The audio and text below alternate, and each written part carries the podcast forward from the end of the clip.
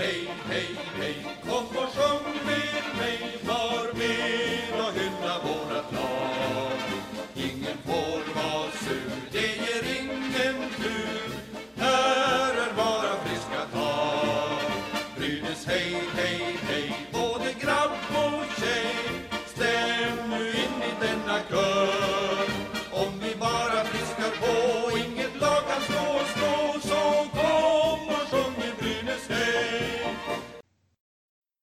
varmt välkomna ska ni vara till den 40 avsnittet av Brynäspodden. Det är måndag kväll när vi spelar in, vilket betyder att jag som vanligt får inleda veckan med att prata Brynäs med dig, Fredrik. Ja, det är så man startar en bra vecka. Visst är det det. Eh, Jag tänker innan vi går vidare, glöm inte att ni kan följa Brynäspodden på Facebook och Twitter. Ni söker bara på Brynäspodden så ska vi komma in där. Bra tillfälle att ställa frågor eller kontakta oss om man har några tankar, funderingar. Mm. Men eh, det har spelats två matcher den här veckan på herrsidan och så har SDHL-laget spelat en match. Eh, Vi kommer dessutom bjuda på en intervju idag med Brynäs styrelseordförande Jürgen Lorenz. Så att eh, ja, men det är lite att bjuda på idag ändå. Ja, det ska bli spännande att lyssna på. Mm. Men jag tänker att vi inleder med matchen mot Rögle. Mm. 2-1 blev det ju på hemma. Det var ju den jag tippade som kanske lite svårare att ens ta poäng i, men det var ju varenda trepoängare här i eh, veckan som varit. Jag, tänk, jag tänkte mycket på det i eh, mellan första och andra perioden att nu är...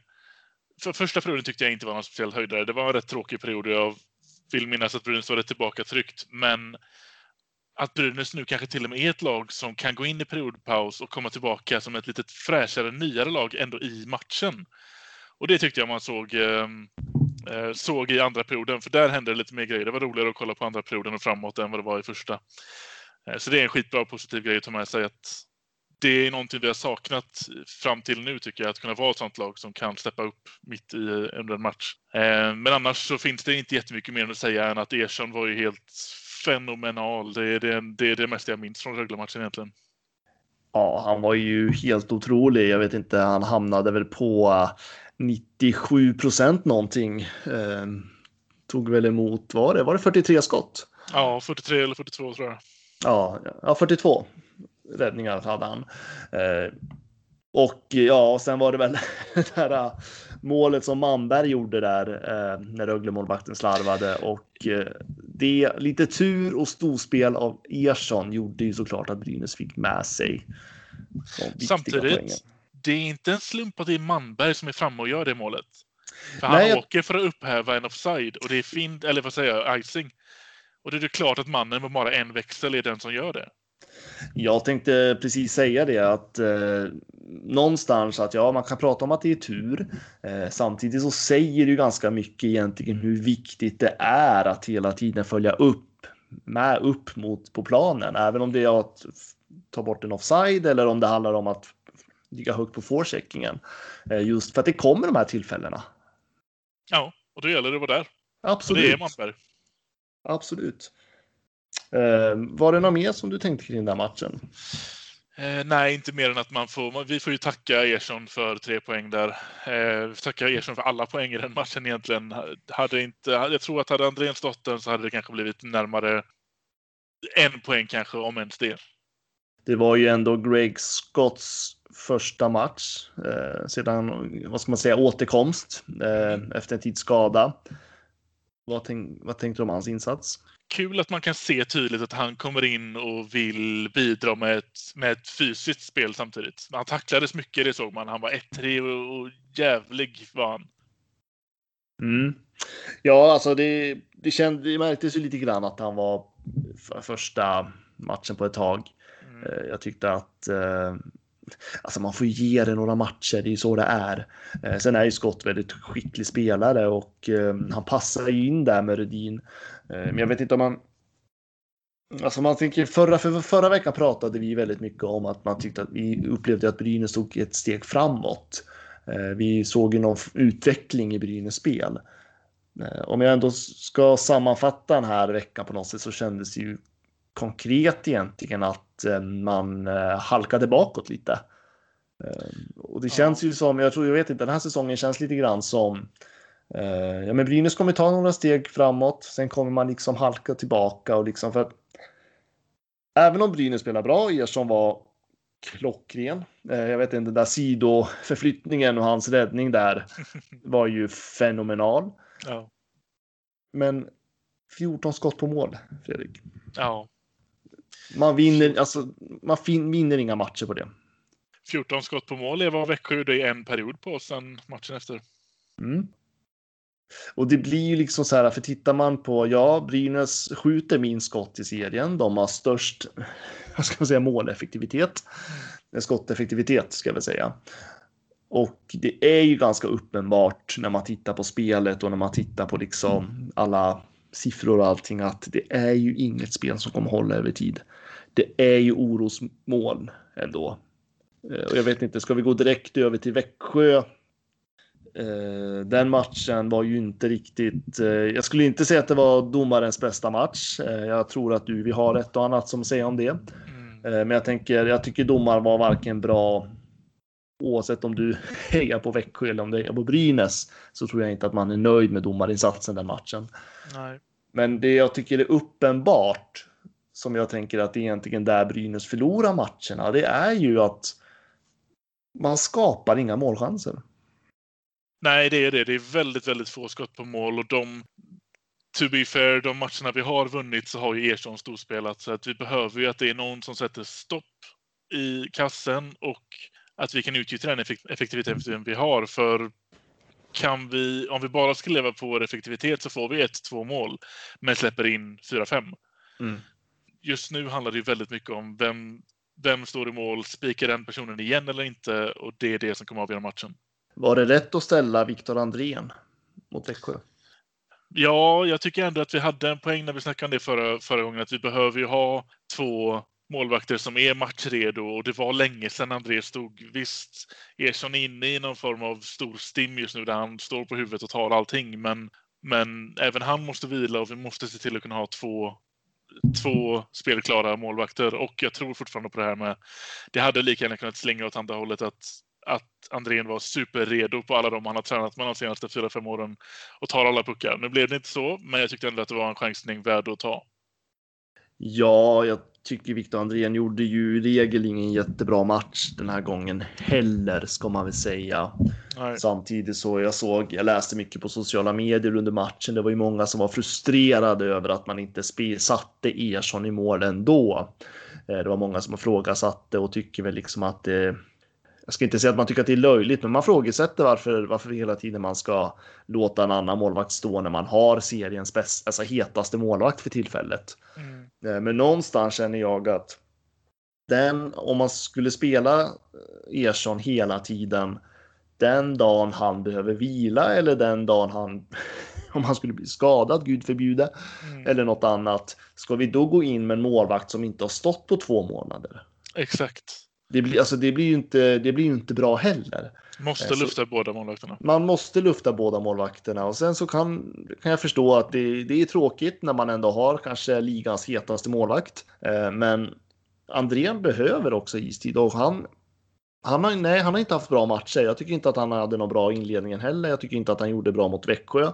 Däremot så vet ju vi vad, vad Andrén faktiskt kan gå för mm. när han är som bäst. Men han kommer ju aldrig nå dit om han inte får några matcher. Precis.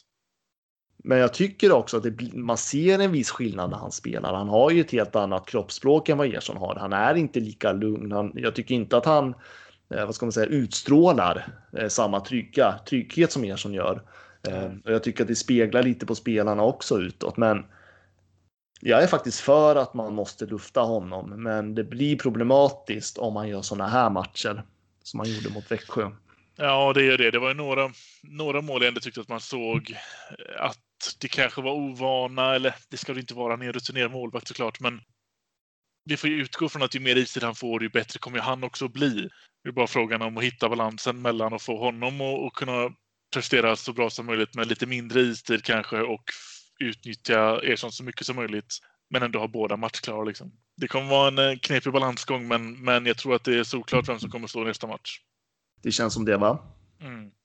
Eh, Brynäs sköt ju ändå 23 skott mot mål Mm. mot Växjö. Det är ju inte heller jättehögt egentligen. Alltså Brynäs skulle behöva på något sätt förbättra sitt offensiva spel i spel 5 mot 5. Mm. Det är ju där man brister mest just nu tycker jag. Eh, Alltså nu är en spontan tanke. Jag har inte alls förberett mig på det här så att eh, håll i hatten. Eh, Men jag tittar på Brynäs första kedja. Anton Rudin, Greg Scott, eh, Patrik Berglund. Vad tänker du om man skulle dra ner Patrik Berglund till andra kedjan istället? Ja, ja, det beror lite på vem det är man sätter upp istället. Alltså det jag, ju- tänk, det jag tänker är att jag skulle vilja andra kedjan kommer igång bättre. Ja. Ja, det är, det är Molin mycket har- potential som försvinner i Molin. Emil, ja, men inte- jag tänker för Emil Molin har fortfarande inte gjort ett enda mål i spel 5 mot 5. Nej. Eh, DeShane har backat sen Scott tog rollen i första kedjan. Mm.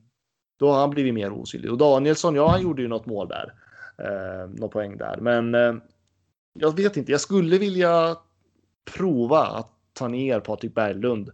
Eh, man håller tvåan Redin och Scott i första och sett Danielsson eller DeShane där. Ja, Duchene tycker jag definitivt i så fall. Jag Ja. gillar, jag gillar tanken av Danielsson i andra femman och jag, är väl, jag tycker att där är hans maxgräns också. Och så vet vi att låt Duchene få, få rida lite på vågen han ändå har startat med här nu. Han, det var ett tag sedan han gjorde mål, det var ett tag sedan han gjorde poäng, men låt han, låt han få komma tillbaka till det. Låt inte komma för långt glapp mellan hans poäng här nu så kommer det kunna rinna iväg och då, då vill vi ha honom i första kedjan. Mm. Nej, men jag vet inte, jag, jag skulle vilja ändra där bara för att prova att få igång andra kedjan bättre på något vis. Mm. Eh, Det finns så mycket potential i den, men jag tycker inte att de här två matcherna ska tilläggas. eh, Att det inte riktigt har blivit som man kanske önskar. Nej. Sen är det ju frågan såklart eftersom att de här formationerna har ju kommit sen Greg Scott kom tillbaka. Jag tänker att Rödin och Scott kommer ju bara bli bättre och bättre. Och eh, frågan är hur mycket tid man ska ge de andra formationerna. Men det är ju tråkigt när man ser, jag tycker DeShano som har börjat så bra, eh, har backat lite Mm. i den position han hamnat i nu. Det är därför jag bara spekulerar lite grann här. Ja, man får... ehm, precis, det är ju det nu har ju Molin varit med från början och honom skulle man väl kunna ge mer tid i 5 mot 5 men det känns inte som att mer tid är det han behöver utan det handlar om kanske hans lag, eh, kedjekamrater och, och någonting är det ju som gör att han står helt still i 5 mot 5 i poängmässigt. Det behöver ruskas om på något sätt. Det är det. Så gör han ett jättebra jobb i powerplay eh, i special Ja. team så. Det ska man inte. Det ska man ju liksom inte ta ifrån honom. Men just spel 5 mot 5, det är ju där Brynäs behöver förbättra sig på något vis. Mm. Eh, och det är därför jag tänker att man kanske behöver splittra den där. eh, jag förstår ju tanken. Alltså Rudin, Scott och Berglund, det är ju någon form av en superkedja Mm. eh, på pappret. Men eh, det kanske inte är där just nu. Nej, precis. För jag tänker utifrån hur lite Brynäs skjuter, hur, många, hur få målchanser man ändå skapar. För varje skott är ju inte en jättefarlig målchans om man säger så. Om man får leka Peter Andersson lite grann nu så här. får se om man lyssnar på den här podden. Samlat Skellefteå-försvar, Jakob Silfverberg. Men vilket mål han gör! Vilket mål han gör, Jakob Silfverberg! Men eh, vi har ju faktiskt fått folk som tycker att vi ska prata om en händelse som hände i Växjö. Och jag vet att du har ju ganska stark åsikt om den. Ja, jag, jag, jag kokade när jag såg det.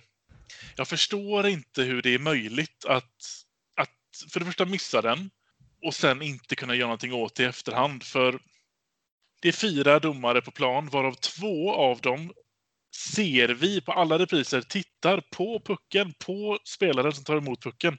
Någon måste kunna se att det här är, det här är offside. Sen, visst, vi sitter och har en jättebra vinkel från kameravinklarna vi har. Det var det första jag... Jag hade halvvägs till köket när jag såg att det målet kom. För när passen kom så sa jag för mig själv högt och tydligt, det är offside. Och så gick jag för jag skulle hämta vatten i köket. Och sen hör jag att det blir mål. Hur är det möjligt när det är en sån tydlig offside? Jag förstår inte det. Nej, Eh, och jag tror inte att någon förstår egentligen. Eh, Men det lilla jag förstår är ju att Eh, det är linjedomaren som gjorde en bedömning att det inte var offside, trots att det var en huvuddomare som stod väl bara en meter ifrån Växjöspelaren med världens bästa blick därifrån. Ja. Jag tror att alla vart man än befann sig i arenan ändå, för det var ju liksom, det handlade ju inte om centimetermarginal eller Nej. en decimeter marginal. Vi pratade ju för 17 nästan en meter, över en meter marginal. Eh, det var så tydligt. Och att domaren samtidigt förklarar att eh, det blev fel, men att det har var, gjorts en bedömning. Så får Gör man liksom om den inte... bedömningen då? Ja, men det, det är det de förklarade att man inte får och det är där jag inte fattar, för det där har man ju gjort tidigare. Ja, och då känner jag det helt har ärligt. Ju blivit, det har ju, alltså jag vet inte den här säsongen, men tidigare så har det ju blivit mål bortdömda för att det har varit offside. Ja. Och det är det liksom inte blir så här, någonstans tappar man ju så här, vad är konsekvent? Det blir ju inte jag... konsekvent överhuvudtaget. Nej, exakt. Och jag känner samtidigt att okej, okay, någon har gjort en bedömning trots att jag ser att linjemannen står och tittar på situationen, böjer sig fram för att se situationen bättre, böjer sig åt fel håll och ändå så nej, här ser jag ju ingenting. Det är klart du inte gör. Jag känner, jag bryr mig inte om det finns en regel kring det här eller inte, om man inte får döma i efterhand. Då måste de göra någonting åt den här regeln. Det kan inte gå till så här i högsta ligan. Det är, det är spelförstörande, för där, där förlorade vi matchen. Ja, och det, det, blir ju lite löjligt. Eh, jag är ju en sån som har full respekt för alla regler och sånt. Eh, jag är lite fyrkantig på det sättet. Men det blir ju löjligt när det blir så tydligt. Mm. Eh, jag förstår när det är små marginaler att man som domare inte hänger med, för det går jävligt fort på isen. Det ska man ha klart för sig. Ja. Och det är ju liksom, jag vet inte hur många beslut eller bedömningar domarna gör per minut, men det är ju någon som har räknat på det där och det är ju sjukt många. Men när det blir sån där tydlig offside och man gör ingenting åt det utan man låter det gå och det har resulterat i, en, i ett mål. Då är det något som då, då är det någonting man behöver se över tänker jag. Ja. Eh, för att även om jag, jag tyckte ändå, jag hade ändå känslan att eh, i stort sett hela matchen så tyckte jag att matchen stod och vägde lite mer åt Växjö. Mm. Uh, men det kändes som att efter det målet så gick luften ur Brynäs. Ja, och det är likadant. Visst, det vägde mer åt Växjö, men det har ju inte hindrat oss från att ta tre poäng tidigare. Nej, det hade åtminstone kunnat kanske inte hindrat oss från att tappat så mycket. Jag tänker man hade kanske kunnat spela kryssat där då istället. Ja. Uh, nu kan man ju spekulera hur mycket som helst i det där, men jag vet inte. Det kändes som att luften gick ur och det kändes som att Brynäs hamnade på något helt fel uh, eh, tankebanor. Man, ja, tappade, man tappade matchen helt enkelt. Det blev några dumma utvisningar efter det och sånt också. Men jag tänker just när det på tal om utvisningar att det har ju kommit lite nya regler inför den här säsongen och domarna ska vara noggranna med vissa saker. Så man kan tycka att vissa av de här grejerna är väldigt löjliga att ni tar en utvisning där.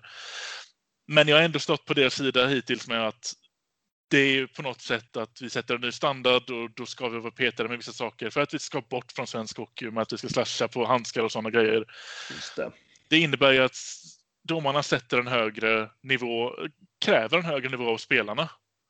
Mm. Då måste vi kunna kräva att de tar en sån här offside Ja, nej men just det här när domarna själva säger, och de sa ju det direkt efter matchen också, att det var en felbedömning, att det var ett misstag. Och det är klart att eh, jag har full respekt för att domare får göra fel. Alltså den mänskliga faktorn kommer vi aldrig ifrån och jag tycker någonstans är lite charmen med det i idrott överlag. Ja. Men eh, när det blir sån där bedömning att man inte kan liksom, jag menar alla såg väl i, eh, jag menar på, i repriserna och jumbotronen och allting liksom att det där vart ju tokigt helt enkelt. Ja. Eh, men sen, sen tycker jag liksom att eh, någonstans vill jag inte säga att det var där Brynäs förlorade matchen, för Brynäs har på de här omgångarna från serieinledningen egentligen, om vi ska vara helt krassa, de har ju, vi har ju aldrig fört spelet, vi har aldrig styrt matchen. Nej. Och det är ju det som jag precis som jag pratade om tidigare, det här att man gör så man, man skapar så få målchanser, man äger inte matchen. Alltså det är ju ganska mycket orosmål som jag ser i det här spelet. Ja, det är det absolut. Jag står nog fortfarande fast vid att jag tycker att där förlorade vi matchen, för den levde fram till den pucken. Och då skulle vi som du säger kunna kryssat eller kanske till och med gått om. Det, det vet vi inte så mycket om, men matchen levde fram till det målet och då sket det sig helt efter det. Ja. Nej, det var inte domarens kväll helt enkelt och Nej. definitivt inte Brynäs kväll. Eh, tråkigt, men Samtidigt, okej, det är en av 52 matcher. Domaren kan inte vara felfri i 52 matcher. Så okej, vi ger dem den här, men det får inte hända igen. nej, det är märkligt. Alltså det var en märklig händelse helt enkelt. Eh, fullt ut. Nu har han gjort flest mål i en SM-finalserie i ett SM-slutspel genom tiderna. Men vilket mål han gör! Mm. Sen var det även en match eh, i SDHL. En, det verkar som en väldigt spännande match. Tyvärr var det ju ingen av oss som såg den matchen. Det var ju eh, Leksand-Brynäs i Leksand. 5-8 till Brynäs blev det i den matchen. Väntat, måste jag ändå säga. Inte väntat att Leksand skulle göra fem mål. Nej, nej, nej. Men eh, väntat att det skulle bli en seger. Ja, ja absolut. Det är väldigt synd att, att, varken, att ingen av oss såg den matchen, för det verkade... Jag satt ju och eh, fick notif- eh, vad heter det, notiser hela tiden på, eh, utifrån matchen och det var ju... Ja, det är ju 13 mål. Det var ju målfest, verkligen. Och det var... Leksand gick upp i ledning, sen kvitterade Brynäs och Brynäs gick upp i ledning, sen kvitterade Leksand och så höll de på sådär nästan hela vägen fram till slutet på tredje perioden där det rann iväg för Brynäs del. Då. Ja, nej, det var bra jobbat. Men eh, jag har inte sett matchen så jag kan inte säga så mycket om den. Men eh, det är kul. Brynäs leder fortfarande ligan. Eh, går bra. Det rullar på.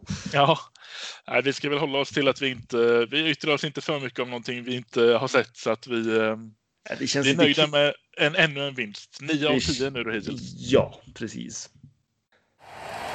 Från ingenstans, Leif! Det går inte! Han gör mål!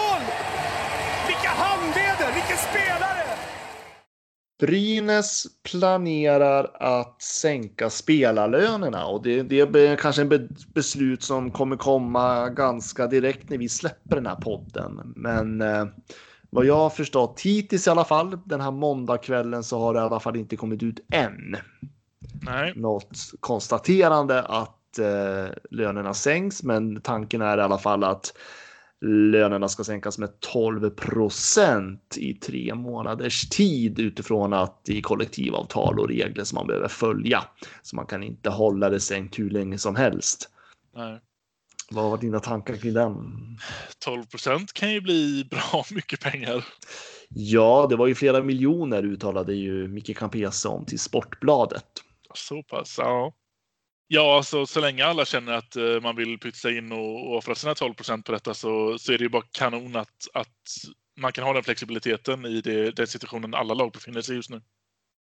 Ja, och jag tänker att eh, på något sätt så tycker jag att det är, ett, det är ett bra budskap, om det nu blir av nu då, men det är ett bra budskap till sina supportrar, sina fans, eh, att man som spelare, jag förstår att man får, att det är många spelare får säkert uppoffra ganska mycket.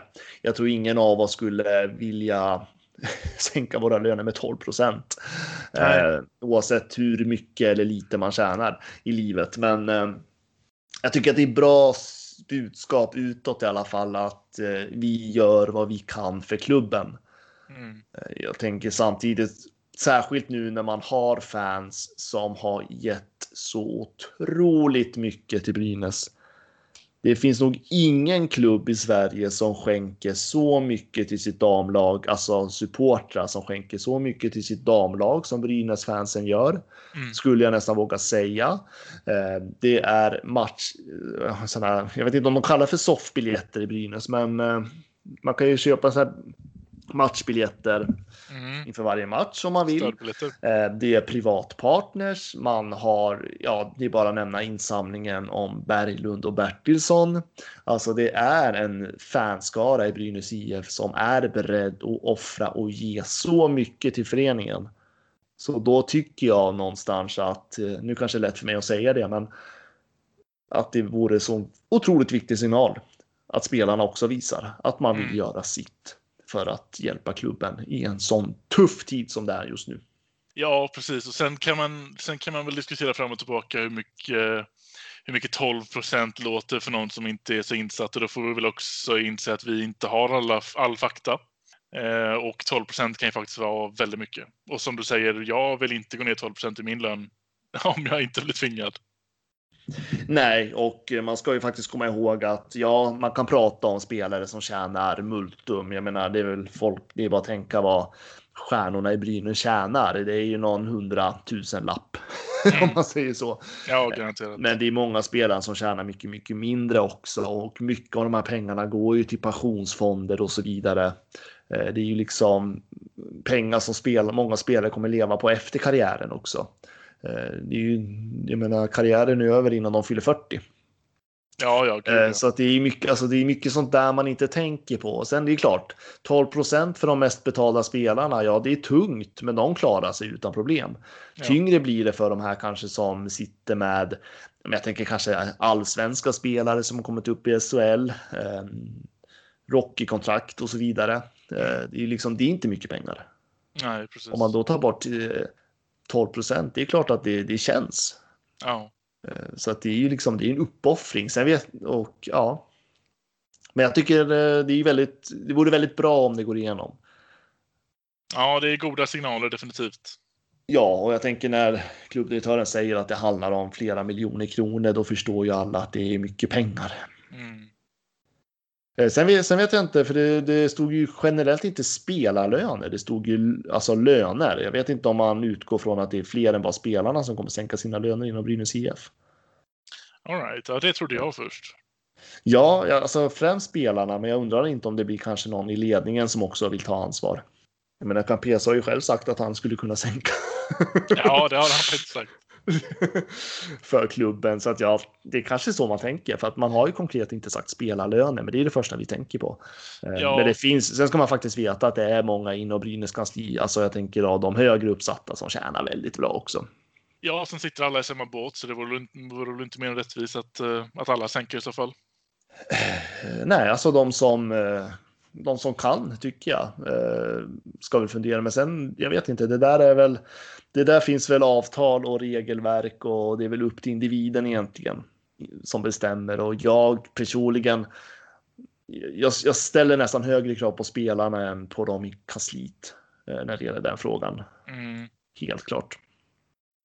Ja, men det gör jag nu också. Det kanske är mer en, ehm, en signalsak att om jag som klubbdirektör vill att ni ska sänka löner så kanske jag också borde tänka på det. Ja, om det nu är så, det vet vi ju inte nu. Vild spekulation här bara. Ja. Eh, helt klart.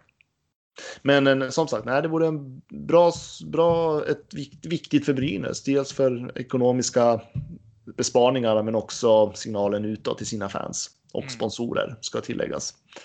Att man gör vad man kan för att Brynäs IF ska klara den här pandemin då. Precis. Säger man med en suck. Ja. Men allvarligt talat Leif Boork, du håller på med hockey i 600 år. Hur skjuter karln? Hur skjuter han? Han skjuter väldigt bra, han skjuter väldigt hårt, han skjuter väldigt pricksäkert. Ja, vi har ju också fått lite lyssnafrågor. Vilket vi alltid är glada för.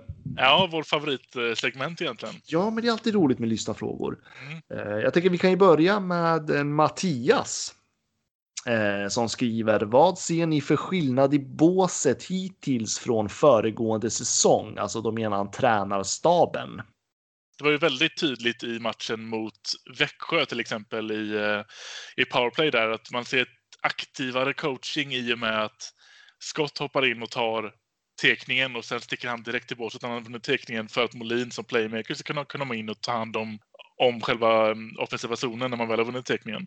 Det är väl egentligen det tydligaste som, som jag har märkt av. Vad känner du? Alltså, ja, ak, ak, mer aktiv coachning skulle jag vilja säga. Eh, först och främst. Nu har det inte spelat så många matcher. Eh, mer tydlighet också om man ska tänka. Eh, nu var ju frågan skillnad i båset, men jag skulle också ändå, när vi ändå är inne på den frågan, mer tydlighet kring spelarnas roller. Det är inte samma. Jag menar, minns du förra säsongen när man konstant ändrade backformationer? Man konstant ändrade alltså match från match till match. Så gjorde mm. man om kedjorna och backformationerna. Man vart ju till slut trött på det. Eh, jag tycker att det är lite tydligare nu. Eh, man håller kvar vissa formationer på ett mycket, mycket längre och liksom man ger en chans på något vis. Mm. Eh, men i båset skulle jag väl nästan vilja säga att det är en mer aktiv coachning. Det är mycket mer dialog. Jag, tycker att spelarna verkar vara mycket mer aktiva själva. Mm. Eh, det, det, det, finns någon form, en vilja i båset som jag inte såg förra säsongen. Um, och det är väl, jag vet inte om det är någonting som Peter Andersson uppmuntrar till eller om det har blivit så med nya spelare och ledare som tillsammans har skapat den uh, dynamiken så att säga. Uh, nej, men jag tycker att uh, det lilla jag har sett ska jag säga så tycker jag att det har varit en mycket aktivare Brynäsbås. signalerna man får är ju bättre. Ja, precis. Och det vet jag också att eh, experterna på Simor som brukar stå emellan båsen har ju också nämnt det. Att det är ett helt annat Brynäs i båsen just nu än vad det var förra säsongen. Mm. Ja, Det är det, är sånt man gillar att höra. Mm, så det är väl det. Så att jag tycker det är positivt. Helt klart. Ja, sen har vi en Lars-Ove som en liten. Har du koll på AHL, Fredrik? Inte jättebra. Nej. Ehm, För han ställer nämligen frågan att även om AHL inte kommer igång så lär det väl inte komma in några spelare? Frågetecken. Men om ni fick välja någon eller några därifrån, vilka skulle det bli då? Alltså om Brynäs då, vilket inte kommer hända, men om de skulle öppna plånboken för att ta in en AHL-spelare. ja, det är ju det. Vilka har vi att välja på? Det är ju några... Lukas Karlsson. Ja, Lukas Karlsson. Back offensiv. Det är, ju, det är ju egentligen det vi behöver. Ja, men jag tänkte ju det. Han är ju ändå lite offensiv kvalitet. Det har jag ändå visat där i AL. Nu försvann vilken klubb han spelar för i mitt huvud här. Mm, han var väl draftad av Chicago i alla fall. Ja, men AL-klubben. Rockford Icehogs. Tack, gud, jag fick hjärnsläpp där. Ja, alltså 26 poäng på 48 matcher. Det är de flesta um, assistpoäng, men uh, vem bryr sig när det handlar om offensiven? ja, men precis. Eh, sen är väl, eh, jag menar, nu vet jag inte riktigt var eh, Viktor Söderström är någonstans. Han har ju inte fått chansen i NHL än av förklarliga skäl. Jag vet inte om han står på AHL eller om han Ja, enligt min research så ska han fortfarande stå på AHL. Även om han inte gjort en enda match i NHL eller AHL, men Nej, han står skriven på Tusken Ro- Roadrunners. Ja, men precis. Men eh, det är ju liksom lite grann också. Jag tror mycket är utifrån hur covid-19 har påverkat det här på andra sidan också. Mm. Med säsongerna som inte har dragit igång än och så vidare. Jag vet inte riktigt hur det har gått för honom. Har inte varit jättetråkigt om eh, Söderström kom tillbaka faktiskt. Nej, ja, han är varmt välkommen tillbaka. Ja, Eh, om vi har råd med honom. Det är väl lite tvivelaktigt just nu kanske. Jag vet inte om det var en bra svar på frågan, men det var väl de jag tänkte. Det är väl bara de två, så, eller i alla fall Lukas Karlsson som är aktiv i AHL från Brynäs håll. ja, precis. De andra har ju... De man skulle vilja plocka hem som kommer direkt eh, ploppar upp i huvudet. De har ju NHL-kontrakt. De kommer ju inte vara på tal. Ja, nej, precis. Och de spelarna kan vi prata om en annan gång kanske. Vi har också en fråga från Urban. Är det inte dags för coach challenge i SHL snart? Mm.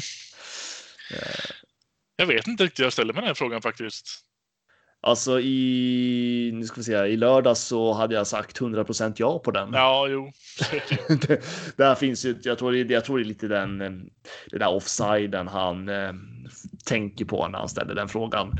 Ja. Och eh, Men jag, tänk, jag har resonerat lite sådär att i NHL tycker jag ändå att det kan funka för där vet vi att man kan lita på domarna så pass mycket att de gör inte fel och de gångerna det faktiskt blir en coach challenge så är det så är det hyfsat berättigat och det är väl lite 50-50 på om någon faktiskt går igenom eller inte eh, där borta.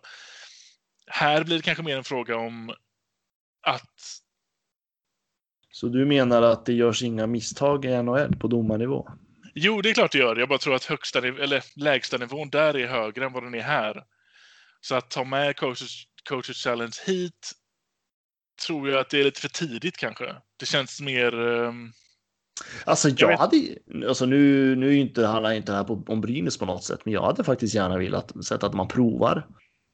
Men det kanske är för att jag har Växjö-matchen i huvudet just nu. ja, jag vet inte om, om domarkvaliteten i Sverige är redo för det ännu. Alltså, känns det som att vi hade tryckt jag ner dem alldeles för mycket. Nej, men jag, jag, jag tänker alltså vi har, alltså jag tror vi glömmer bort det väldigt lätt i Sverige, men vi har faktiskt en av, vi är typ ledande i, när det gäller domare i kvalitet. Jag tror att vi, vi glömmer lätt bort det i Sverige, men titta vilka domare som får internationella uppdrag. Det är svenska domare som får döma de stora internationella matcherna. Ja, Delvis i alla fall. Vi, vi, är, vi glömmer bort att vi är lite bortskämda och vi är lite färgade, men det är faktiskt så. Det ser inte så mycket bättre ut utomlands. Snarare tvärtom. Nej, men det, det är absolut Sen kan, man ju sen kan man alltid diskutera enskilda individer. Ja, men jag är helt med på att jag tror att det är, vi i Europamässigt i alla fall så har vi en högre kvalitet på, på domare än vad de har i typ Tyskland, Schweiz, Österrike. Men glappet mellan oss och till exempel NHL där man faktiskt använder coacher challenge tror jag är för stort just nu. Jag vet inte om det hade gynnat oss riktigt. Det känns som att det hade bara skapat mer misstro till domarna som vi har idag. De får bygga upp sitt förtroende lite Ja. mer innan vi, innan vi ska ge dem chansen och, och köpa det här tror jag. Ja, nej, jag, jag är fan teamdomare alltså. Det är klart som fan. jag tycker vi ska ha coach. Jag, ska, jag tycker vi ska prova det. Ja. Ja, men jag tycker det. I alla fall prova. Det värsta är att när man provar så måste det hållas en hel säsong. Det skulle vara kul om man bara kunde ta bort det i mitten av säsongen eller något, om det inte gick. Nej, men jag är för. Jag tycker man ska prova på utvecklingen då. Mm, jag är halvt för. Om ett tag är jag för. Ja, om ett tag. Ja. jo. Ja, vi har också fått en fråga om Ingman borde få chansen. Mm. Han fick väl någon liten minut där, va? Var det mot Rögle? Det var mot Rögle var det ja. Mm. Det var inte mycket, men han fick lite istid fick han. Ja, var det två, tre minuter? Ja, 3 och 15 någonting sånt där. Alltså, jag tveksam på den frågan. Får man faktiskt, om jag ska vara helt ärlig. Ja, samtidigt, vems... Alltså, jag gillade honom förra säsongen och även om det var en del misstag som man, man begravde ansiktet i händerna lite, men vem skulle han i så fall byta ut? Och vi har inte sett så pass mycket av honom den här säsongen att man, att man har någon sån där solklar att klart Ingman ska ta den här platsen. För det är någonting som gör att han gick från att vara en vad var han, eh, topp två, topp tre par förra säsongen till att vara petad nu. Mm. Ligger det i det fysiska kanske? Har han inte har han kommit sämst förberedd av backarna till försäsongen till exempel? Ja, det är en bra fråga. Jag sitter och tittar på våra back, backar just nu. Jag tänker, jag menar. Nyberg tyckte jag gjorde, faktiskt gjorde en bra match senast. Jag tycker ändå att han eh, spelar uppoffrande och Mm. Ja, jag tyckte ändå att han kanske var en av de bästa backarna eh, i lördags. I alla fall om man tänker de som ja, men mest uppoffrade och gjorde verkligen sitt. Mm. Eh, det skulle väl kanske vara Björk då i så fall, för han har ju inte kommit upp i den nivån som han avslutade på eh, i våras. Nej, det har han inte. Jag tycker ändå att han ser um, inte vilsen ut, men lite malplacerad i vissa situationer. Nej, han har definitivt inte kommit upp i den, eh, i den nivån han avslutade med, vilket är väldigt synd, för det var eh, väldigt fräsch vind att få in honom i laget så sent att han ändå presterade bra. Verkligen. Alltså, jag vet inte, alltså, jag blir lite nervös över att det är lite liknande tendenser som när han hade Peter Andersson som tränare sist. Mm. Det är väl det som man blir lite fundersam på. Mm. Eh, Det är lätt att börja fundera bara. Nej men all, alltså allvarligt, jag ser inte egentligen att Ingman skulle ta bort någon egentligen. Nej, jag, jag, det är svårt att säga vad han går för den här säsongen, men jag tycker att det är bra att ha kvar honom i truppen. Inte liksom låna ut honom eller någonting, utan försöka se om man kan få, få in lite istid på honom då och då i alla fall så att han håller sig hyfsat matchvan. Och sen kommer ju det komma någon skada och då tycker jag inte Ingman är ett dåligt alternativ att plocka in. Fast man skulle ju kunna låna ut honom några enstaka matcher till allsvenskan. Ja, absolut, Om så han bara får spela. Ja, jag tänker just för speltiden. Eh, Precis. Jag vet, jag vet, nu vet inte jag riktigt hur det funkar i coronatider heller. Eh, Man skulle ändå så att han får spel, precis som du säger. Det är ju det är bra sparkapital att ha utifall det blir skador eller annat eh, som Mm. gör att. eh, För jag tar ju hellre in Ingman än plockar upp en junior på, back, på backsidan. Ja, på backsidan ja. Eh, Så att eh, ja, nej, just nu så nej, men eh, det vore jättebra om man fick speltid någon annanstans. Men eh, nu tycker jag att vi går direkt över till eh, en intervju som jag har gjort med Brynäs styrelseordförande Jürgen Lorenz. En, eh, en, en, jag har ju suttit ganska, inte många ska jag säga, men några möten med honom sedan han klev in 2016 som ordförande och jag har alltid haft, jag måste ändå säga det, att jag alltid haft en bra bild av honom. Eh, han har alltid varit väldigt tydlig. Jag tycker att han har jag tycker han är rätt man för styrelse, styrelseordförarposten om jag får säga så. Eh, så jag har varit faktiskt väldigt glad att han fick förlängt nu senaste årsmötet. Mm. Ehm, jag tycker dessvärre att det är lite synd att eh, det är väldigt många som inte riktigt har koll på personerna som sitter i styrelsen. Eh, och ännu färre vet liksom hur de jobbar eller hur mycket de jobbar. Ehm, och det var lite därför jag också ville att vi skulle få in styrelseordförande i den här podden. För jag tycker det är ju ändå liksom de ska ju representera oss medlemmar i Brynäs IF. Mm. Så är det ju. Och skitbra poäng att det är väldigt få som vet hur mycket de jobbar och vad de gör när de jobbar. Jag är en av de som har väldigt dålig koll på det. Så det ska bli superintressant att, att höra vad han har att säga. Mm. Så att eh, nu kan vi väl avsluta våran del av den här podden och så går vi in på intervju. Varsågoda. Jag upplevde, upplevde ett självmål med en jävla skitregel. Vet du fan som har kommit på de där jävla reglerna. Ja, då sitter jag på länk med Brynäs styrelseordförande Jürgen Lorenz. Varmt välkommen ska du vara till Brynäspodden. Ja, tack för det. Du har varit ordförande, om jag har rätt nu, sedan 2016. Ja, det blir mitt femte år faktiskt. Ja, ja precis. Du vart ju nyvald nu till eh, sommaren, höll jag på att säga, men efter sommaren. Men jag tänker om vi backar bandet till 2016 då. Hur skulle du beskriva resan som Brynäs har gjort sedan dess? Oj, det går ju att se ur många perspektiv, men det, det jag upplevde väldigt starkt då initialt eh, första, första tiden när jag fick eh, hantera klubban i, i Brynäs, det var ju ekonomi, alltså väldigt mycket frågor kring ekonomi och bygga kapital. Eh, vi var ju i en situation där vi inte hade några, några pengar egentligen och vi låg farligt nära den här gränsen för att kunna behålla vår elitlicens. Så det kan jag säga, det var ju en, en sak som var väldigt viktig. Sen så om man tittar vidare där så har vi ju haft de här bitarna kring sporten och som vi har velat utveckla och det gick ju bra för det första året med, med, med, eh, med en final som, som, vi, som, som inte riktigt slutade så som vi önskade nere i Jönköping. Men, men eh, vi hade ett, ett väldigt starkt lag som tog sig långt som sagt och så långt man nu egentligen kan komma nästan. Sen har det ju varit utmaningar av olika slag. Det har varit förändringar i organisationen, byte av klubbdirektör. Vi har fått tag i omtag i vissa frågor. Eh, vi har haft, eh, om vi tittar på sporten, eh, vi har fått göra de här förändringarna i ledarskap och det som inte har varit bra för vårt lag. Och även på damsidan måste jag ändå lyfta. Vi hade för ett par år sedan, det såg ju inte bra ut och då valde vi att ganska kraftfullt reformera hela den delen. Jag tror väl ändå att vi, vi börjar landa där i, den delen och börjar komma framåt och för att kunna ha ett, ett riktigt framgångsrikt damlag. Vi har ju eh, ett, ett väldigt fint ledarskap i, i den delen. Sen så är ju eh, ekonomin har ju som sagt var utvecklats lite under den här tiden. Det finns flera faktorer till det. Vi har jobbat starkt med att skapa olika former av partnerskap. Vi har eh, även fått eh, draghjälp givetvis av det som handlar om, om ersättningar eh, genom att vi är en del av de här 14 SHL och de medieavtal som finns. Jag skulle vilja säga att egentligen väldigt hårt arbete under de här, de här åren. Sen är det ju så att man hade önskat mycket, mycket mer. Så, men, men det är, alltså det, det tar tid att förändra. Det tar, ja, ofta så kostar det också att göra det. Va? Så att, nej, spännande och kul på alla sätt och vis att jobba med de här frågorna.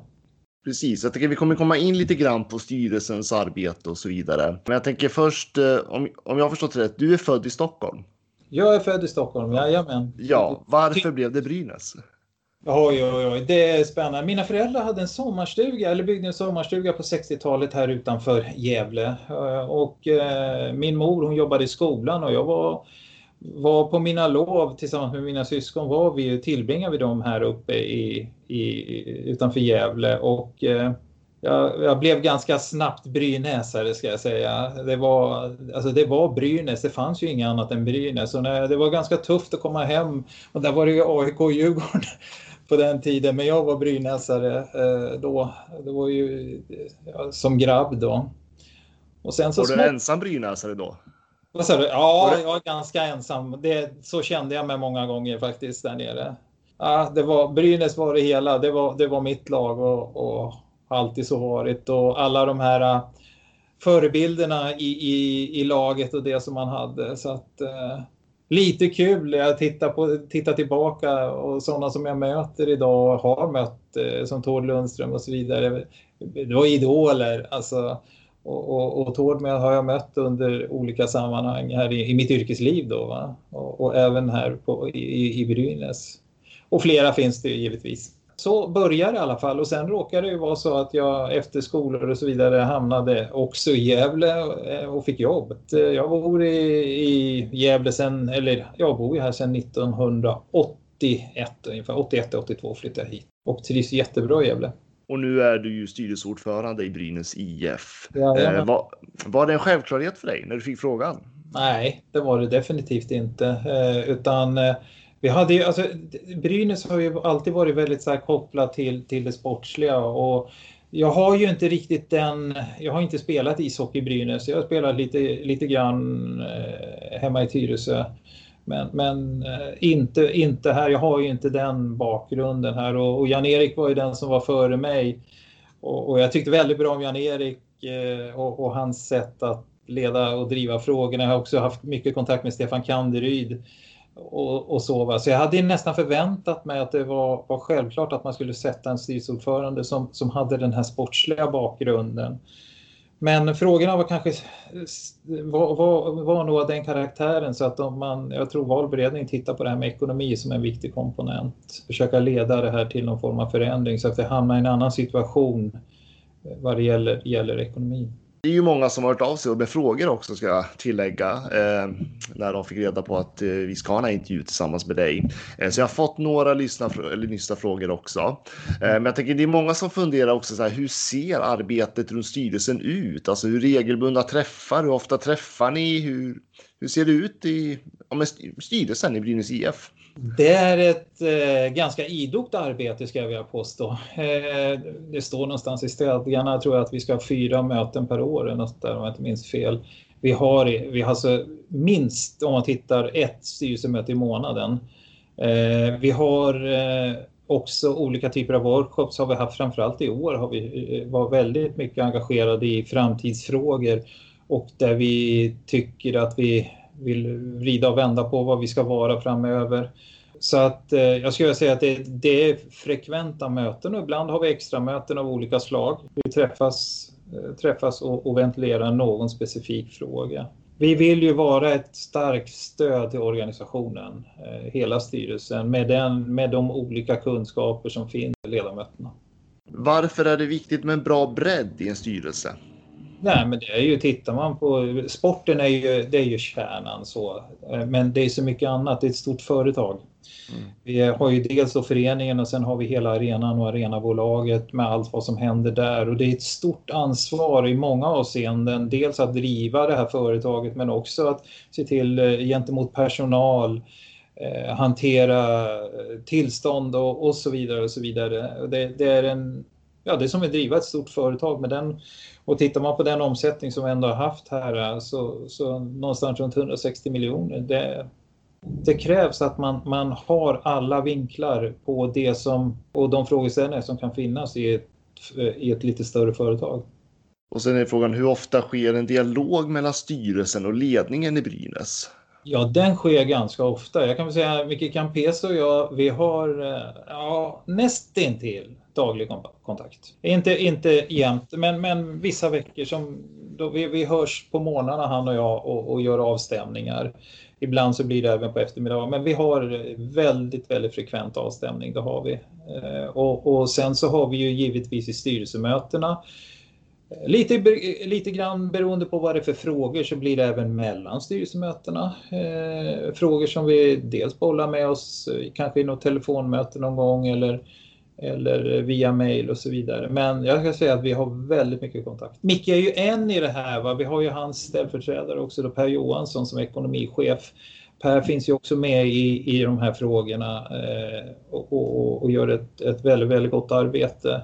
Mycket kontakt med, med, med den grupperingen, eh, Campese, Per Johansson, även, även om vi går till, eh, ja, det, det, periodvis också Sundlöv finns med i det här. För jag tänker hur, lite grann, hur ser rollfördelningen ut? För jag tänker, det är ju det är mycket som händer i Brynäs. Alltså det är ju liksom, det är en bra start, det är sporten, det är Eh, ja, men akademin där med att man vill bygga, eh, skapa nya talanger och forma, fostra hockeyspelare. Det här är nu privatpartner som kom, kommit nu på sistone. Hur mycket, hur mycket bestämmer styrelsen i de där frågorna? Eller är det liksom, hur ser rollfördelningen ut? Ja, vi, får ju, vi får ju mycket av, av eh, mycket får vi eh, presenterat från, från ledningen då, tankar kring hur man vill utveckla saker och ting. Och vissa saker diskuterar vi genomgående, alltså så här tycker vi det ska se ut, så här tycker vi inte det ska se ut. Oftast så knyter vi ihop säcken tillsammans. Tittar vi på rollfördelning och kompetens eh, så jag tycker att vi har en väldigt, väldigt bra styrelse. Vi har haft en bra styrelse genom åren och eh, just nu så tycker jag vi är ganska kompletta eh, om jag tittar. jag vet inte, med, med, med respekt för mina eh, kollegor i styrelsen så jag ser dem ju på lite olika sätt och, och tar man, tar man P, P, PJ, per, per Johan Johansson, så, så PJ är ju den som är mer kopplad till sport och, och även del företagande. Eh, kanske eh, också kopplat till det här lite hårda eh, som finns kring, kring infrastruktur och de bitarna. Tittar man på eh, Peter Bergström som vice ordförande, Peter är ju väldigt starkt knuten till Brynäs genom sitt eh, engagemang som, som funktionär där också.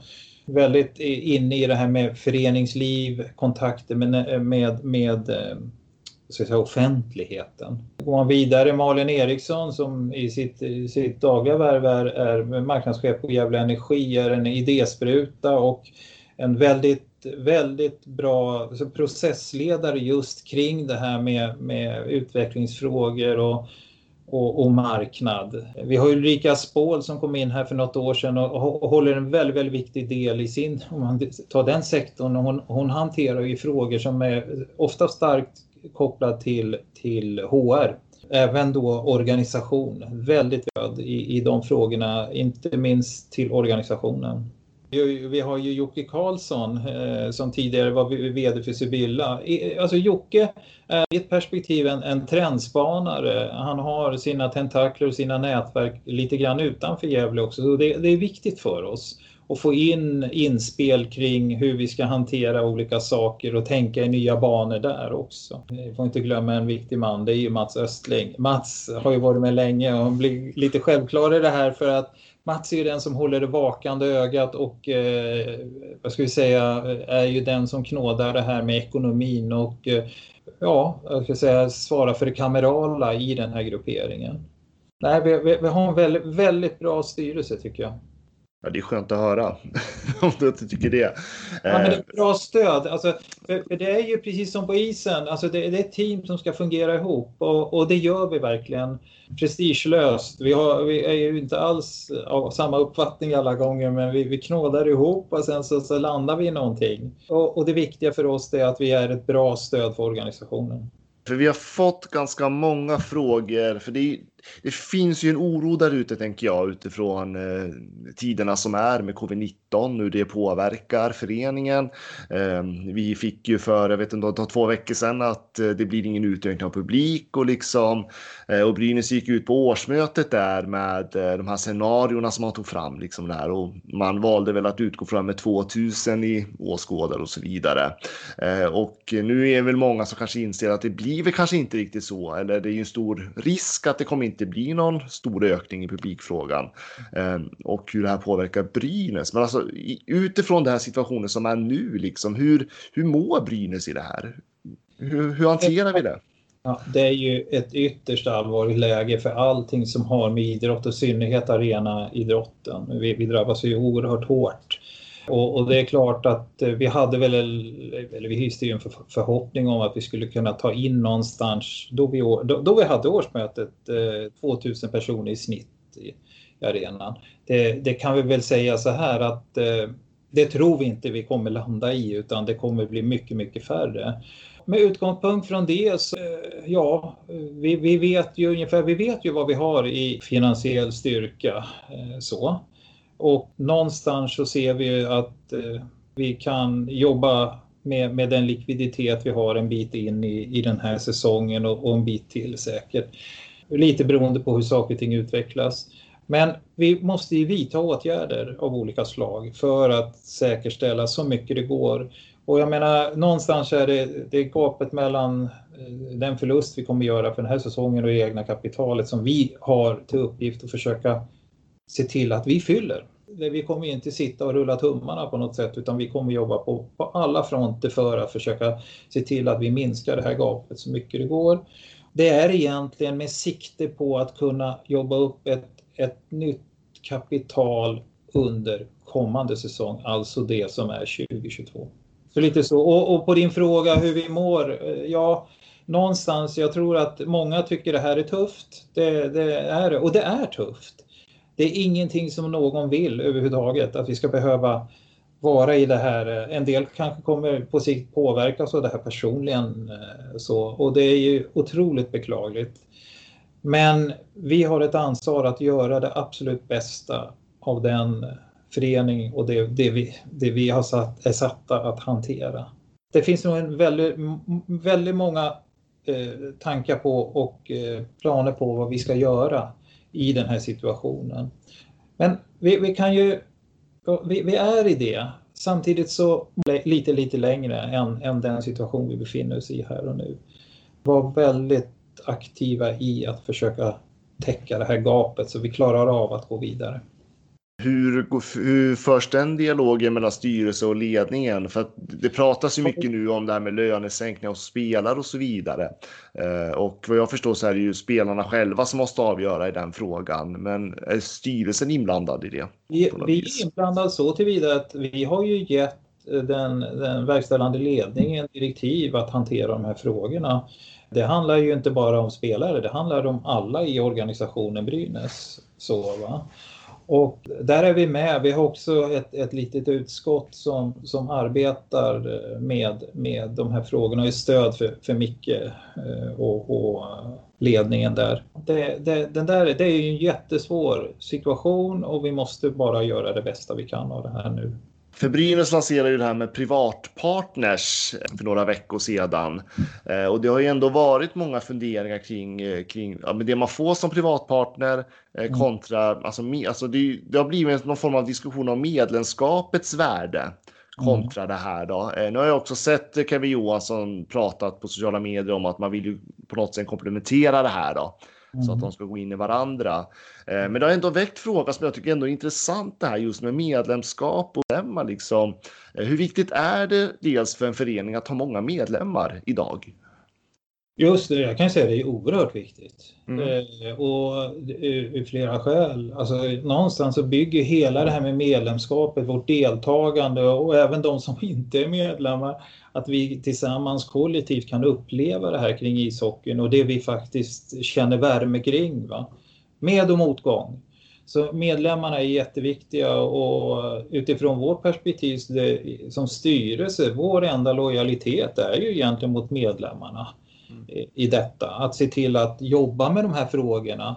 Sen, sen kommer de här, de, här, de här frågorna upp och det, det man nu har skapat för att få in då mer medel i verksamheten och det, det är ju ett resultat av det vi är i just nu.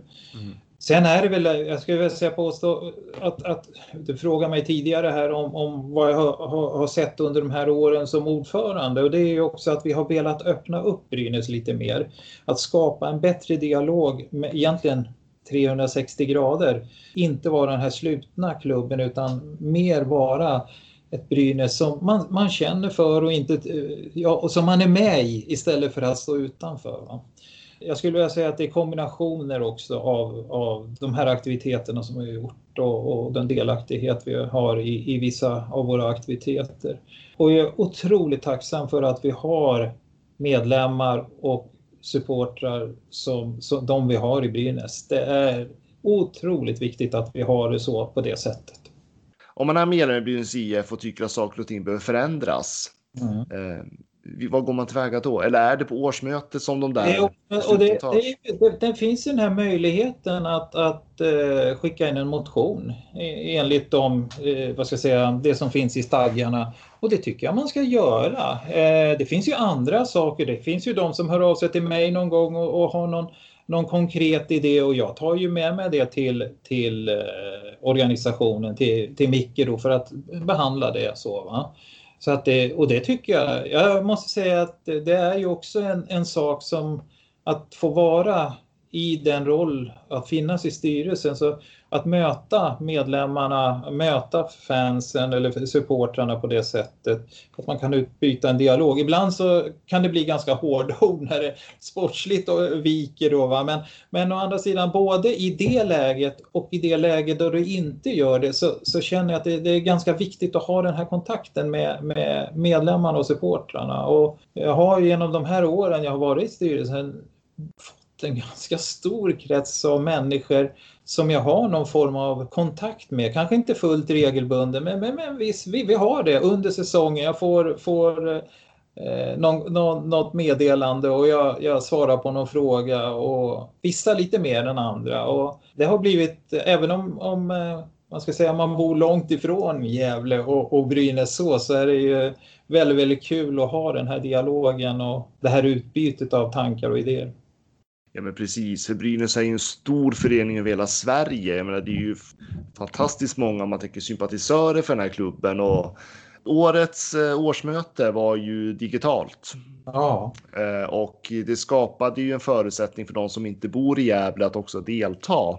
Eh, För jag vet att tidigare år som har ju efterfrågat att ha de här årsmötena i helgerna, på helgen till exempel, för att fler ska vara med och kunna delta. Eh, Men pratar man någonting om att fram, kommande årsmöten också ska vara digitalt, sen såklart när coronan är över att man också får delta på plats. Eh, Är det någonting som man tänker för framtiden jag, också? Det, det behöv, jag tycker det, det kan vara en möjlighet för oss faktiskt att ha det på det viset. Sen är det ju det här med digitala, det har ju varit lite nytt för oss Mm. eh, att, att ha stora möten digitalt. Men jag tyckte faktiskt att vi fick ihop det på ett bra sätt. Och eh, det är ju otroligt viktigt att det fungerar på ett sätt så alla känner att det här genomförs på ett helt korrekt sätt. En viktig del i det hela. Men det andra är också att ja, det här är ju en möjlighet att kunna ha mötet digitalt, att fler kan delta av våra medlemmar. Så ja, utan att lova någonting här och nu så, så ja, absolut tycker jag att vi, vi på något sätt ska fortsätta med det. Att man kunde vara med dels på plats och sen digitalt. Men om jag tolkar dig rätt då, det finns fortfarande ett stort värde i att vara medlem då i Brynäs IF om man vill vara med och försöka påverka. Jag tycker det, absolut. Mm. Och, och jag tycker det här motionsförfarandet är väl det, det första. Sen så, jag menar, vi har ju varit så att eh, idéer och, och tankar på hur vi ska utvecklas och sånt som, som kan vara av värde för oss. Är man brynäsare så vill man väl skicka in någonting som kan vara bra för oss. Och, och, och då är det upp till organisationen att se vilka möjligheter har vi att, att kunna fånga det och kunna utveckla det vidare. Det är inte så många frågor jag har kvar. Är det någonting som du skulle vilja förmedla till lyssnarna? Nej, men bara låt oss fortsätta dela Brynäs framgångar här. Vi vill ju inget hellre än, än att tillsammans, oaktat om det eller här eller om det är våra ungdomar, att, att vi delar glädjen i att, att tillsammans njuta av ishockey. Jag, jag personligen tycker jag bara längtar till arenan och få träffa alla, vandra runt där nere i gångarna och träffa alla er som, som eh, älskar ishockey. Det känner jag och jag har en väldigt stark längtan efter just nu. Jag har eh, lite abstinens faktiskt kring att, att få komma tillbaks. Jag tror vi alla delar den känslan faktiskt. Men Jürgen, jag får tacka så jättemycket för att du ville vara med och delta i den här intervjun. Tack själv. Så får du ha det bra så kanske vi hörs någon mer gång. Det gör vi säkert. Tack så mycket. Nej, det är för dåligt. De tog bort den för många år sedan. Så ska de tillbaka med skiten.